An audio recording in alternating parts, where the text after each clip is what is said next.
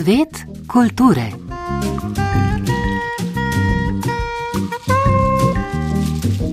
Drage poslušalke, dragi poslušalci, lepo pozdravljeni v današnji knjižno obarvanju Daji.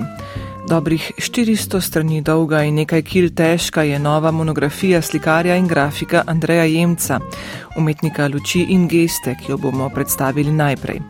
Na to pa bomo nadaljevali z novostmi založbe Goga. Nova dela so pri njih izdali Andrej E. Skubic, Lucija Stepančič in Agata Tomažič.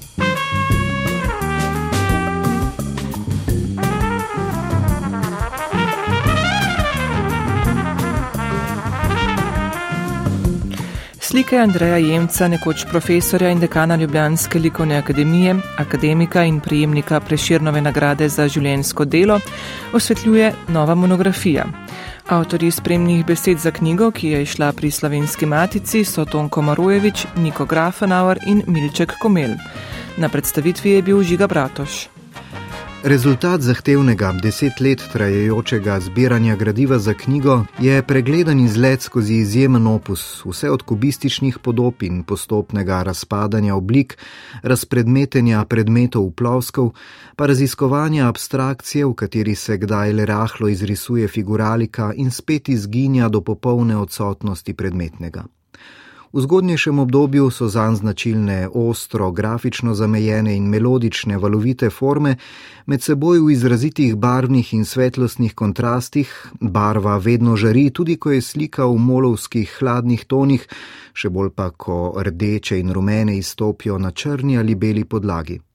Hkrati že takrat, v 60-ih letih prejšnjega stoletja, slika tudi ekspresivno, z izrazito vidno sledjo čopiča in silne poteze. Če preskočimo v novo tisočletje, nas Andrej Jemec pred rami z še več barvne drznosti, vedrine, polivanja, kot bi se njegova energija stopnjevala. Niko Grafenauer ga označi za lirika v slovenskem modernističnem prostoru, ki na marsikateri sliki, zlasti iz zadnjega časa, kar prikipeva od sle in vitalne radoživosti. Milček Komel pa ob njem pripoveduje o slikarski simfoniji. Je pa seveda težko umetnost te vrste upisati z besedo, ker je podobna glasbi, ne? ker temelji na barvi in tisti gesti, ki šviga enostavno in se preliva kot glasba, kot dirigent, ne usklaja svoje barve, jemec. Hkrati zgošča, po nekaj so čist prosojne, drugot, drugot mračne in podobno. In če beremo še naslove, se vidi, da se na vse odziva, v zadju je pa vendarle rokopis in to cela vrsta slik ima naslov. V gesti je skrivnost in podobnost. Če gledamo od zunaj, od znotraj, je pa bistvo seveda, da je ta svetloba, tista luč, ki iz njega žareva, njegov optimizem, ki ga več čas spremlja, lahkotnost, ki se izraža v potezi in njegovo doživljanje, ker je zelo senzibilen. Tudi če krhe palirče je zelo senzibilen za vse ta kruta dogajanja v svetu, na katera se odziva, hkrati pa stremi po lepoti ki tudi živi v njegovih slikah, prelita iz narave. Štiri leta je hodil v srednjo gozdarsko šolo in hkrati obiskoval večerne likovne tečaje, da se je pripravljal na sprejemni izpit za akademijo. Čopiči in barve za študij so bile drage, zato je moral zraven še delati. V tistem času ni bilo toliko študijskega gradiva in obisk Beneškega bienala je bil toliko bolj dragocen, pravi Andrej Jemec. A da ne bo krivice, tudi v Ljubljani se je takrat kar našla kakšna dobra mednarodna razstava. Poudari mednarodni ugled Ljubljanskega grafičnega bienala. Katalog je ponašal umetnike po celem svetu. Sam je gojil veliko ljubezen do grafike in prejel številne nagrade za njo, tudi na bienalu v Tokiu.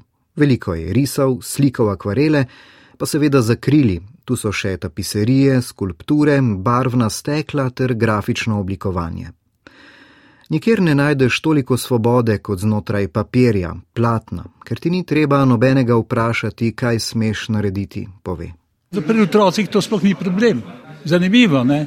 jaz sem se veliko ukvarjal tudi z, z vprašanjem šolstva, ne? mogoče ne več pisal o tem ne? v nekem času, ampak ni dost, težko je prodreti, kot je.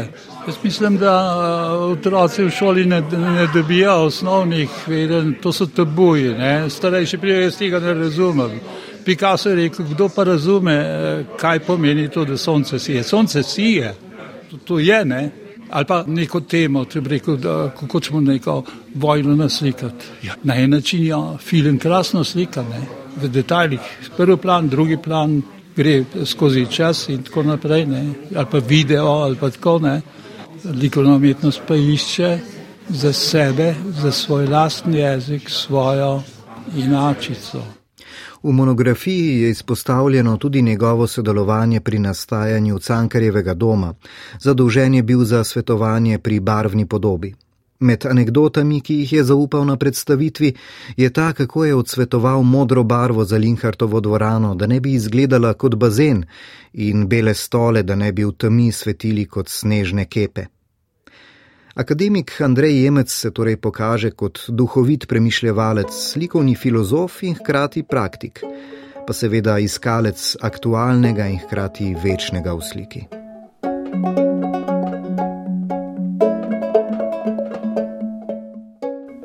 Pri založbi Goga so pred kratkim išle tri knjižne novosti izpod peres slovenskih avtorjev. Družijo jih domiselni naslovi. Izjemno produktivni Andrej E. Skubic je po lanskih krasnih dnevih izdal nov roman z naslovom Pa čeprav Buldožer. Malce manj zagoneta na zelo poveden je naslov romana Lucije Stepančič, Adolf in Eva. Agata Tomažič pa je napisala knjigo Čmrljev žleb. Nekaj podrobnosti o vseh treh knjigah je zbrala Ana Rozman. Andrej Eskubic je navdih za svoj novi roman dobil iz pogovorov s svojim najstniškim sinom, ki se v zadnjih letih navdušuje predvsem nad sodobno tehnologijo in videoigrami. Prav na tem odnosu je Skubic osnoval tudi osrednji odnos v romanu. Pisatelj Geni Kalan, oče pubertetniškega sina, je namreč postavljen pred nov delovni izziv. V podjetju naj bi razvijal umetno inteligentne like za program virtualne resničnosti. Andrej E. Skubic. Ker je slovenski pisatelj, ne, ki smo zelo pač zateženi in tako naprej, ne, zelo refleksivni, on pač ne, kot te like si ne zamisel nekih superjunakov iz raznih uspešnic, ampak začne gojiti kopije raznih oseb iz svoje preteklosti oziroma svoje osebne zgodovine. Pravi, zdaj ta pisatelj v romanu izkoristi to priložnost, da pretresa svoje odnose do so ljudi in do svojega lastnega dela. Ne. Kaj s tem, ko, ko piše, ko ustvarja zgodbe, pravzaprav počne, kakšna je njegova odgovornost do te zgodbe, do teh oseb, ki jih bo na koncu pa vendarle predal nekim uporabnikom na koncu, ne, ki jih bodo uporabljali po svojih željah. Pa čeprav Buldožer je roman o človeški naravi in tehnologiji, literaturi in faktih, v katerem se mešata stvarnost in domišljija, so še zapisali založniki. S človeško naravo pa se humorno ukvarja tudi roman Adolf in Eva Lucije Stepančič. Osnovna teza romana je, da se druga svetovna vojna pravzaprav sploh ni zgodila. In Adolf Hitler je doživi visoko starost, je navaden zelo povprečen penzioner z vsemi problemi in poleg vsega ostalega ga muči še občutek, da v življenju nič ni dosegel, da se ne bo zapisal v zgodovino in seveda je temu kriva Eva, ta prekleta filistrska baba. No, in ne samo to, da ga povozi starost, bolezen, slaba penzija, eh, grozni sosedje, ampak povozi tudi njegove imperialne ambicije, vojaške, vse te. Uh, vso to častih lepnost mora povoziti še Eva, ki pa hlepi po plesih, zabavah, flirtu, šarmerjih in tako naprej. Hudomušni roman o starih znancih zgodovine je opremljen z ilustracijami, ki jih je prispeval Damjan Stepančič. Pisateljica Agata Tomažič pa se je tokrat lotila družinske sage z detektivskim pridihom. Ko v idilični smučarski vasici Strmčnik globoko pod snegom odkrijajo truplo, se začnejo razpletati skrivnosti številnih tamkajšnjih navides srečnih družin. Glavna protagonistka romana je starejša lastnica hotela po imenu Vera Flajs, Agata Tomažič.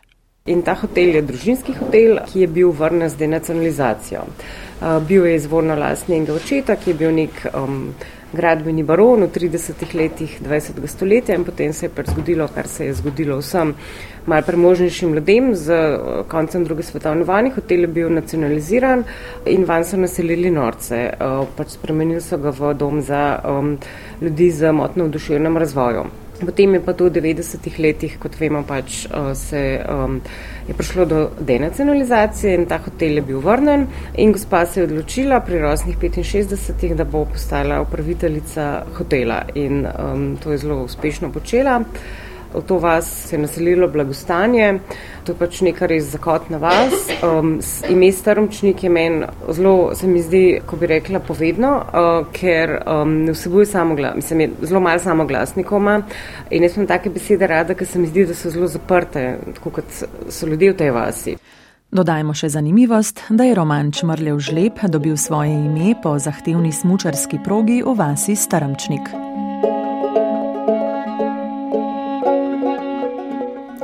V Ljubljanski galeriji Kurna na ogled postavljajo dela slikark in slikarjev, ki so zaznamovali produkcijo zadnjih let. Vsebinsko se umetniki naslanjajo na naravo in življensko okolje, množične medije, družbeno-politično situacijo in pandemijo, nekateri pa predvsem raziskujejo likovno podobo. Razstava z naslovom Meantime Paintings Only bo na ogled do 26. januarja.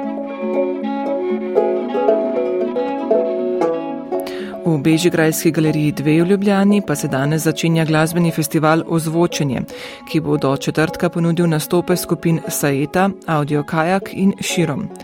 Festival elektronske, akustične in eksperimentalne avtorske glasbe v galeriji vsakoletno pripravljajo od leta 1977. V spredju pa so manj izpostavljeni glasbeni ustvarjalci.